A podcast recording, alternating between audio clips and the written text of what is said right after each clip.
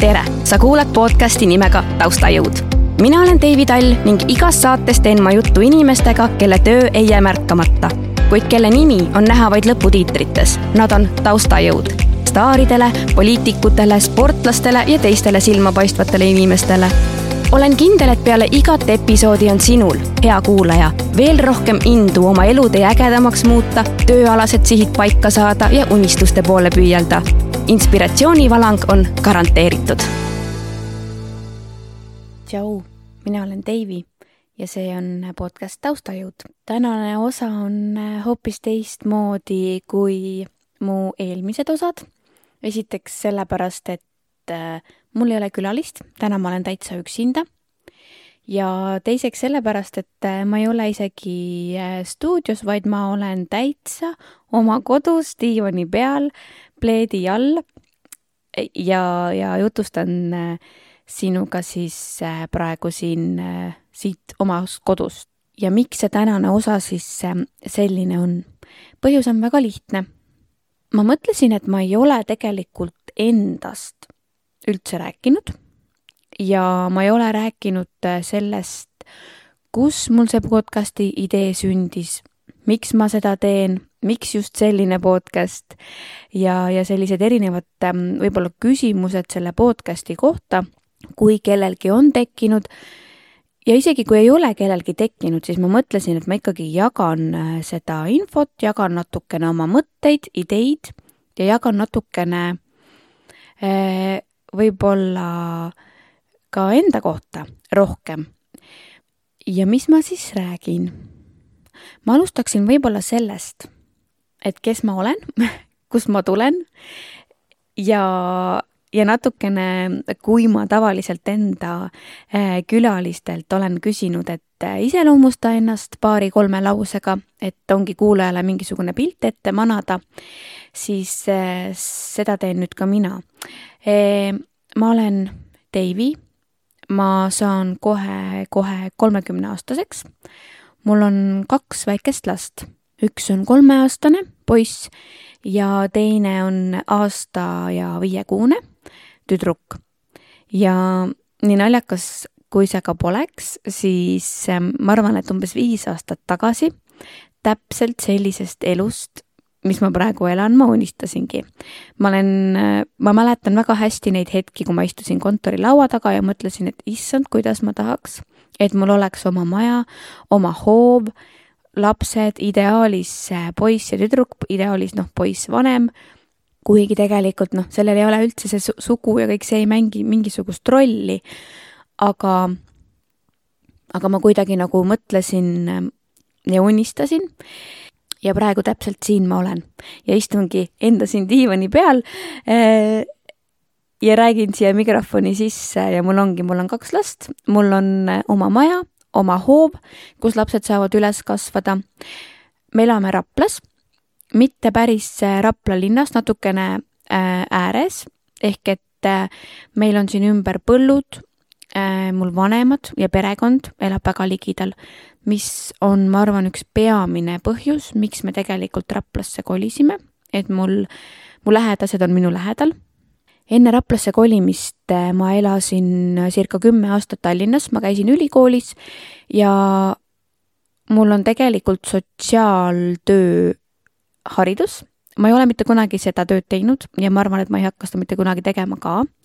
aga mul on see kraad olemas ja ma olen sellega nagu rahul ja hetkel mul ei ole küll sellist olukorda, kus ma mõtleksin, et, et ma tahan midagi muud või äh, uut õppima minna. tänapäeval on see hea variant, et väga palju erinevaid koolitusi pakutakse internetis, et ma ei peagi kuskilt nii-öelda välja minema või välja äh, toast astuma, et saan natukese targemaks ka ütleme läbi pisikese mingisuguse koolituse. ma olen neid päris palju kasutanud ja kasutan veelgi. Ehk et kooli mõtet mul ei ole ja me elame siin Raplas vaikselt rahulikult, tegelikult on hästi tore. Rapla on minu kodulinn, ma olen siin eluaeg elanud ja mul on hea meel, et ma saan oma lapsi ka siin äh, üles äh, kasvatada. mida tulevik toob, seda kunagi ei tea, väga kaugele ma pikalt ette ei mõtle. et eks ole näha, siin me oleme hetkel nagu väga äh, happy'd.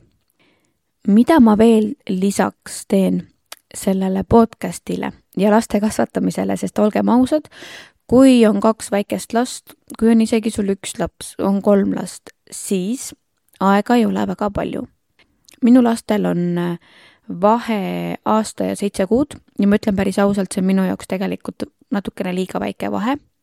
kui ma oleks teadnud, et äh, see kogu see trall, nii-öelda kasvatamise trall osutub niivõrd keeruliseks, siis ma oleks jätnud pikema vahe aga nüüd on see tehtud, eks, ja no tore on vaadata, nad kasvavad koos, aga on ka väga keerulisi hetki, sellepärast et äh, äsja kolmeaastaseks saanud laps on ka ikkagi veel väga-väga väike ja noh, aasta ja viiekuune on minu, minu silmis nagu täitsa beebi alles, nii et äh, nad on mul väga pisikesed.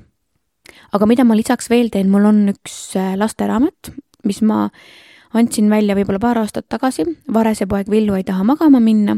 Ja nüüd selle põhjal on mul ka üks äh, pusle, äh, laste pusle, ongi villupilt on seal ja, ja viisteist tükki ja hea selline mugav kokku panna.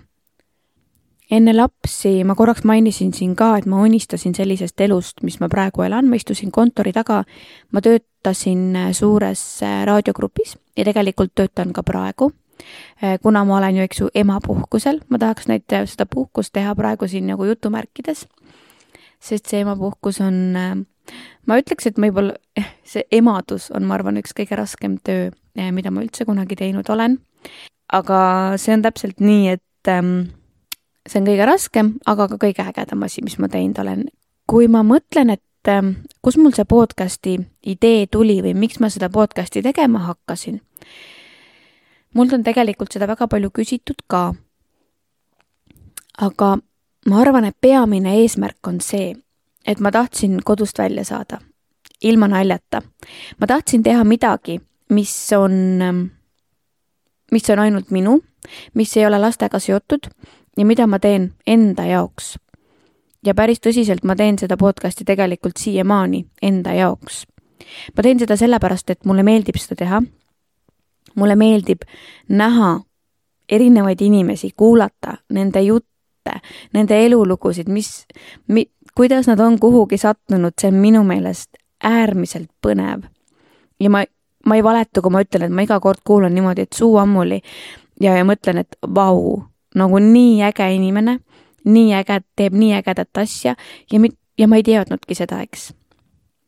Tänapäeval see sotsiaalmeedia maailm on on ju tegelikult niivõrd avalik, ma ise olen ka väga avalik, ma jagan väga palju asju, mis ma teen oma igapäevaelu, ma teen story si kogu aeg, kes tahab, võib Instas jälgima hakata, sellised tavalised igapäevaelu story'd, ma ei tea, kodune elu, natuke tööelu, noh, natukene kõike. ja üldse ma olen sotsiaalmeediaga väga kursis, ma olen tegelikult ka sotsiaalmeedia spetsialist, neid koolitusi ma siin tasapisi võtangi, tasapisi arenen.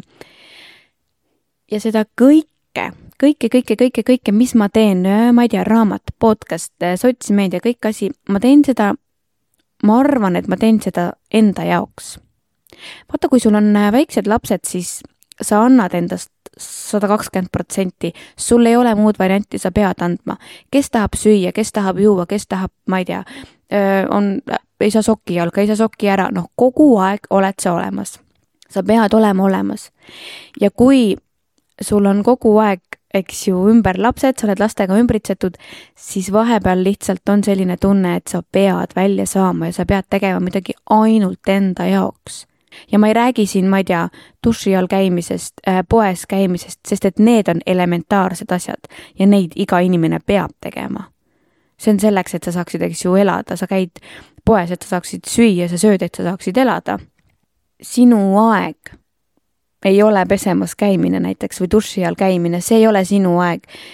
ära sellega lepi ma mõtlengi praegu lihtsalt siin seda, et kui sa tahad oma aega, sa oled lapsevanem, siis võta oma aeg, mine trenni, mine jaluta, mine korraks kodust välja või vastupidi, saada lapsed ja mees kodust välja ja võta see aeg iseendale, see ei tee sinust isekat inimest. vastupidi, kui sina oled õnnelik ja sa tunned, tunned ennast enda kehas õnnelikuna, siis on ka lapsed õnnelikud ja on terve pere happy, nii et äh, sina ennekõike olgugi, et lapsed tegelikult võtavad kogu selle aja, siis kuklasse peab jääma see mõte, et sina enne kõike. ja kui ma siin lastega kodus olin, siis mul käis mitu tuhat mõtet äh, läbi, et oh, tahaks teha seda, tahaks teha seda, tahaks teha seda. mul oli väga palju erinevaid ideid, soove, ma tahtsin ma tahtsin väga palju asju teha, sest ma tundsin, et ma olen nii palju ja nii pikalt olnud lastega kodus, et ma ei ole enda jaoks saanud midagi teha. ja kui ma andsin oma selle raamatu välja äh,, Varese poeg Villu raamatu, see oli ka minu oma, minu tehtud. mina ajasin seda asja, mina müüsin, ma olin nagu selline ärinaine too hetkeks aga ma olin ka rase ja ma, ja mul oli ka väike laps, eks ju, kodus, aga ikkagi kogu mu elu, ka koos selle raamatuga, tiirles laste ümber, esiteks sellepärast, et see on lasteraamat, eks. ja ma tundsin, et mul ainult sellest ei piisa, ma reaalselt tahtsin midagi veel teha. ma tundsin seda nagu tungivat soovi, et ma pean midagi tegema, ma ei tea, kust see tuli mu enda seest ja mul on tegelikult siiamaani see. ma pean midagi veel tegema, ma pean midagi veel tegema. see ei ole isegi, et ma pean, vaid ma tahan, ma tahaks midagi veel teha.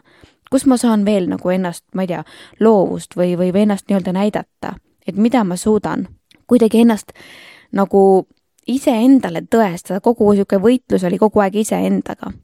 ja siis mind üks äh, üks päev mulle kirjutas äh, Tre raadiost äh, üks raadiosaatejuht ja kutsus mind Tre raadiosse juttu rääkima. Ja ma käisingi raadios, rääkisin enda raamatust. Äh, saade on, oli siis Nii ja naapidi Raplamaalt ja kuna ma, eks ju, olen raplakas nii-öelda, siis ma, ma rääkisin enda raamatu ilmumisest ja üldse natukene iseendast ja teate, mulle väga meeldis. ma astusin sinna Tre stuudiosse sisse, ma rääkisin seal väga mugavalt mikrofonisse ja mulle väga meeldis see ja tegelikult sisimas äh, mul on alati olnud äh, selline väikene soov või, või nii-öelda teenage dream, et ma võiks raadios töötada, ma tahaks olla väga raadiosaatejuht. muusika on minu eluga kogu aeg kaasas käinud, sest fun fact, mu vanemad on äh, väikest sorti muusikud.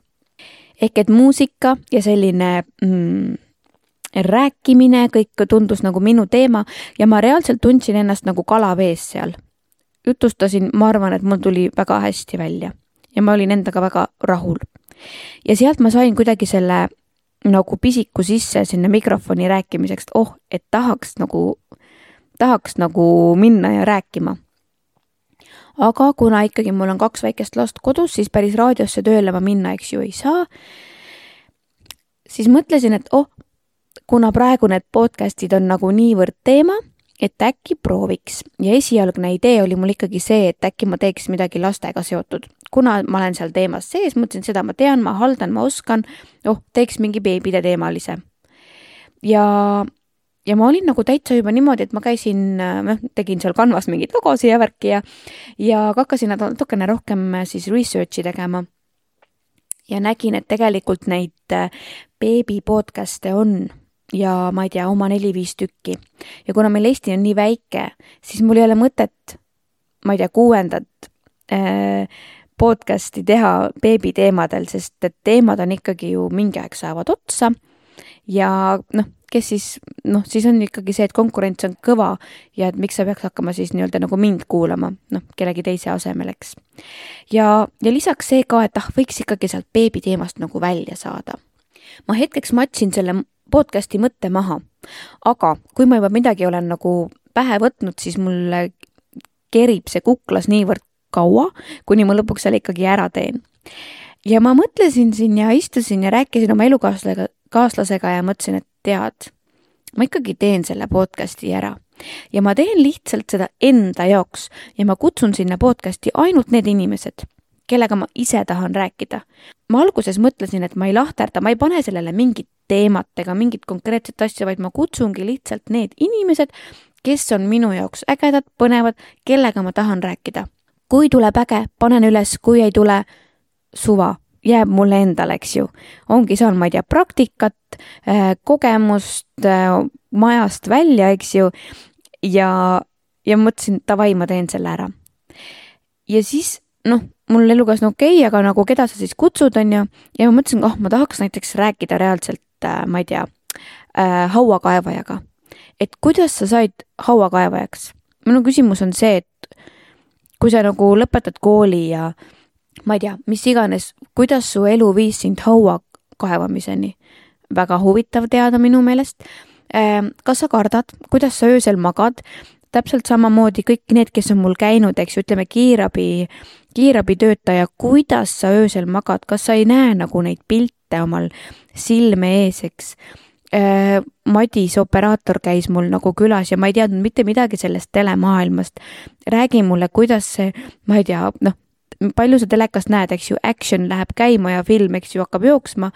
kuidas see tegelikult käib, samamoodi hooldusjuht äh,, hooldekodu töötajad, kas see on reaalselt nii äh, nagu meedias manatakse, eks ju, seda elu päris niisuguseks koledaks, tegelikult ei ole, saime jälle vastupidise, eks ju et äh, mul on käinud juba praegu nii ägedad kaheksa inimest külas ja ma iga kord saan nendest inimestest nagu indu ja seda, seda põnevust ja veel moti juurde, et davai, mis inimesi veel olemas on, või õigemini, mis ameteid, mis asju veel inimesed teevad.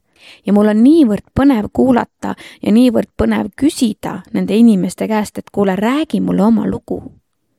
Ja inimesed tulevad ja räägivad, sest et isegi kui sa ei ole väga selline, ma ei tea, suur enesearmastaja või, või väga niisugune, ma ei tea, inimene, kes ennast öö, esile tõstab, eks, siis endast ikkagi inimesed tahavad rääkida. ükskõik, mis, mis, mis inimtüüp sa oled, endast on ikkagi hea rääkida. ikkagi kõik tahavad natukene endast rääkida.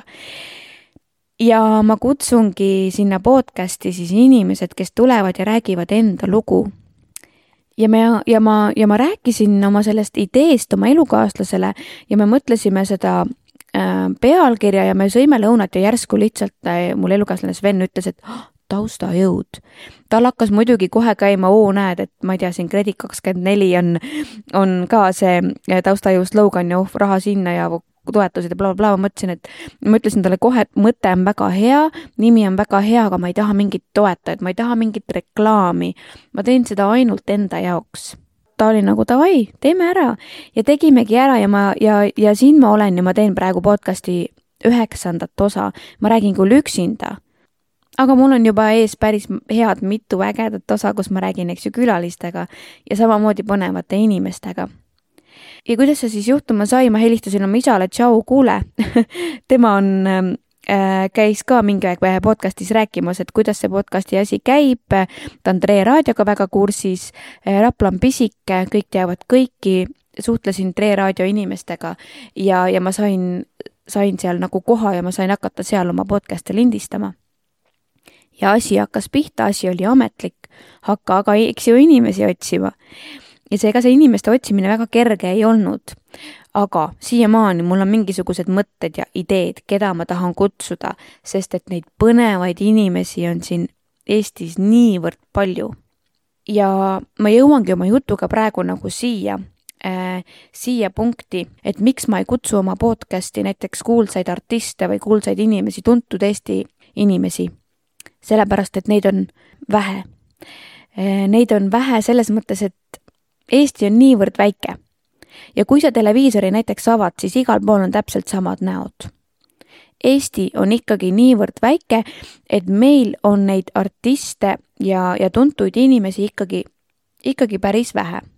ja kõik need inimesed, ma arvan, on juba enamasti podcast ides ära käinud, kahes-kolmes kindlasti.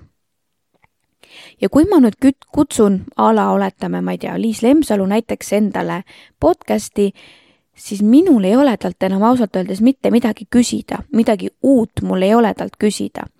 ta on podcast ides juba käinud, ta on rääkinud oma lugu, lisaks on, eks ju, ähm, tuntud inimesed on ka sotsmeedias väga avalikud, ehk et me teame enamasti, kes ta on, me teame temast juba väga palju ja kui sind ikkagi huvitab näiteks, et kuidas Liis Lemsalul, ma ei tea, päev välja näeb või, või kuidas, ähm, kuidas ta, ma ei tea, nii kõrgele kerkis või, või noh, midagi sellist, on ju, siis ma olen kindel, et ta on juba päris mitmes podcastis tegelikult sellel teemal rääkinud.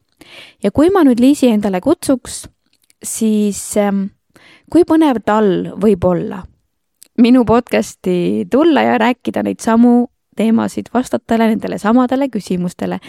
sest olgem ausad, ma ei hakka ju Liisi käest küsima näiteks, mida, mida ta ema teeb või mida ta, ma ei tea, onu teeb või, või mida sul, ma ei tea, noh, mingeid selliseid küsimusi, ma küsin ikkagi ju tema kohta. aga see on meil juba enamasti teada. ja mul hakkas mõte nagu sealt kerima ja mõtlesin, et ah oh,, ma tahaks hoopis teada just ongi see, et milline näeb välja näiteks Liis Lemsalu mänedžeri päev. kuidas nagu, kas ta peab olema kõikidel üritustel kaasas, kuidas ta neid book ib, äh, noh, kõik, kõik, kõik see, et hoopis tema on see taustajõud, Liis on, eks ju, see nägu. mida see taustajõud tegema peab, kui raske, kui keeruline, kui tore, kui äge, kui tihe, kõik, kõik need küsimused sest Liis Lemsalu on, eks ju, meil A-klassi staar ja kui sa oled tema mänedžer, siis räägi, mänedžer, milline on sinu päev, millised on sinu peamised tööülesanded ja kõik see. Ja sealt edasi ma jõudsingi siis ütleme niimoodi, ma praegu, kui naljakalt nagu mõelda, et ma jõudsin hauakaevajast, eks ju, Liis Lemsalu mänedžerini, aga sinna vahepeale jääbki niivõrd palju ägedaid ameteid, mille, millest võib-olla paljud isegi ei tea, mina vähemalt mitte. ma tõesti ei teadnud, et on olemas nagu selline inimene, selline amet nagu mitmedimensiooniline pereterapeut. eelmine osa, minge kuulake, nagu reaalselt hästi põnev, hästi äge osa. ja kuidas inimesed sinna jõuavad. kui sa lõpetad, ütleme gümnaasiumi, siis sa teed selle ülikooli lehe lahti ja vaatad, mis ained seal on seal jäävad tavaliselt silma psühholoogia, turundus, ma ei tea, graafiline disain, äh, ongi sotsiaaltöö, sotsioloogia, sellised. aga sealt ei tule välja, ma ei tea, suusapatrull, eks. Äh, sealt ei tule välja ka kuidagi noh, need just need kindlad ametid, operaator, äh, ma ei tea, siin esimene osa oli mul ju korvpallimeeskonna mänedžer, no kuidas ma sinna saan? see on minu jaoks nagu niivõrd põnev teema ja, ja inimesed on lihtsalt niivõrd ägedad ja nad tulevad ja räägivad südamest ja, ja kirglikult oma tegemistest ja tööst, sellepärast et kui sa midagi armastad, siis sa tuled ja sa jagad seda. ja sa jagad seda hea meelega.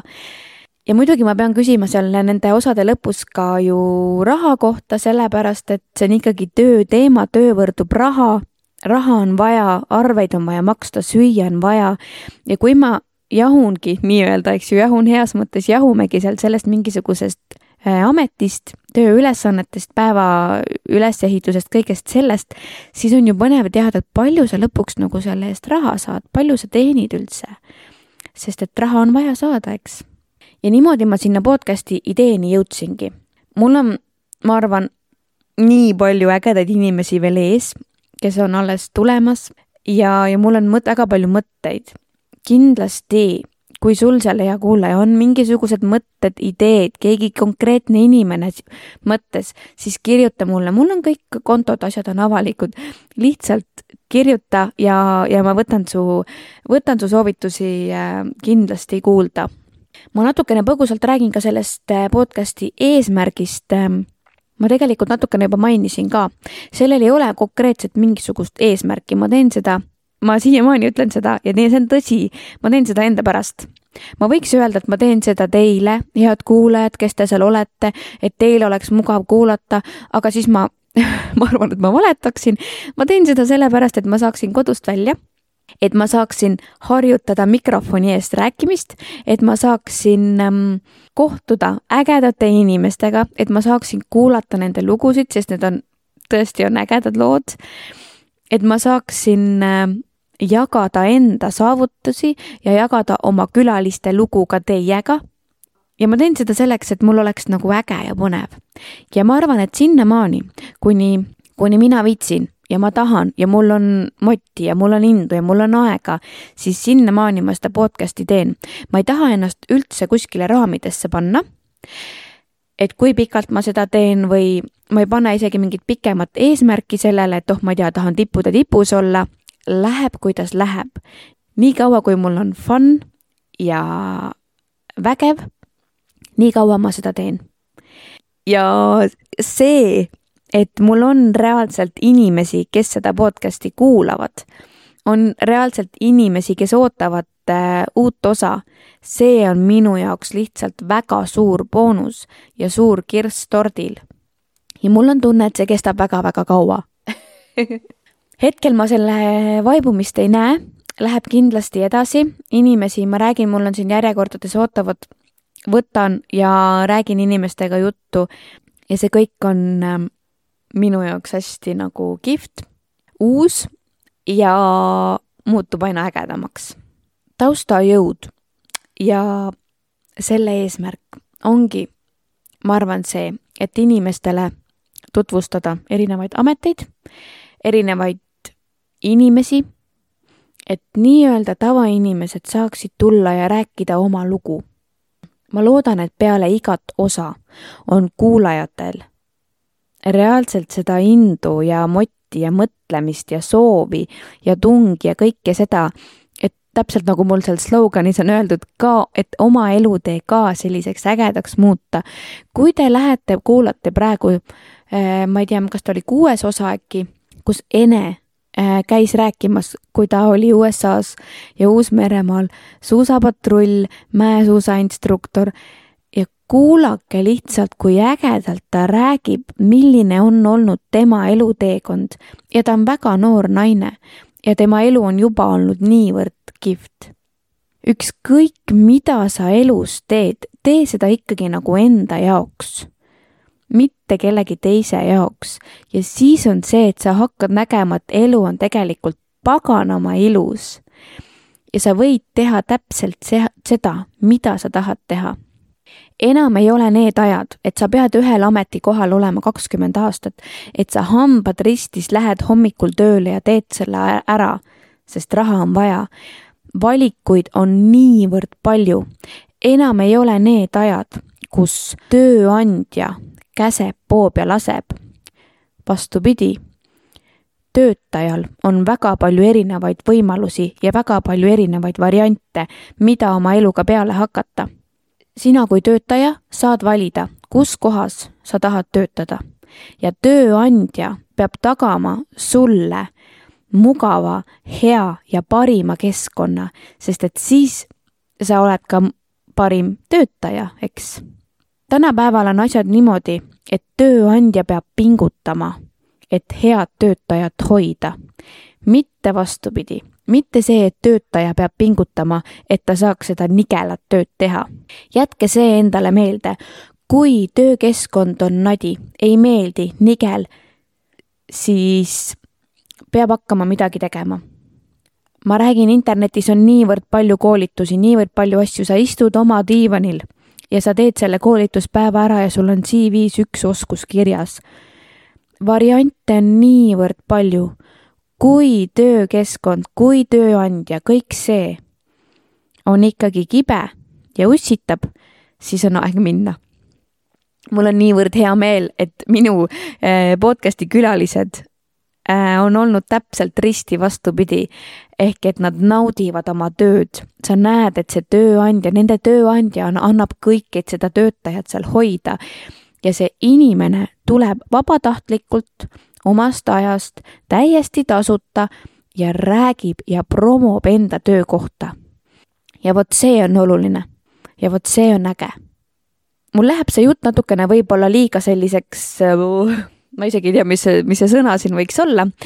ma arvan, et on aeg lõpetada äh, mul ei olegi rohkem tegelikult mitte midagi öelda.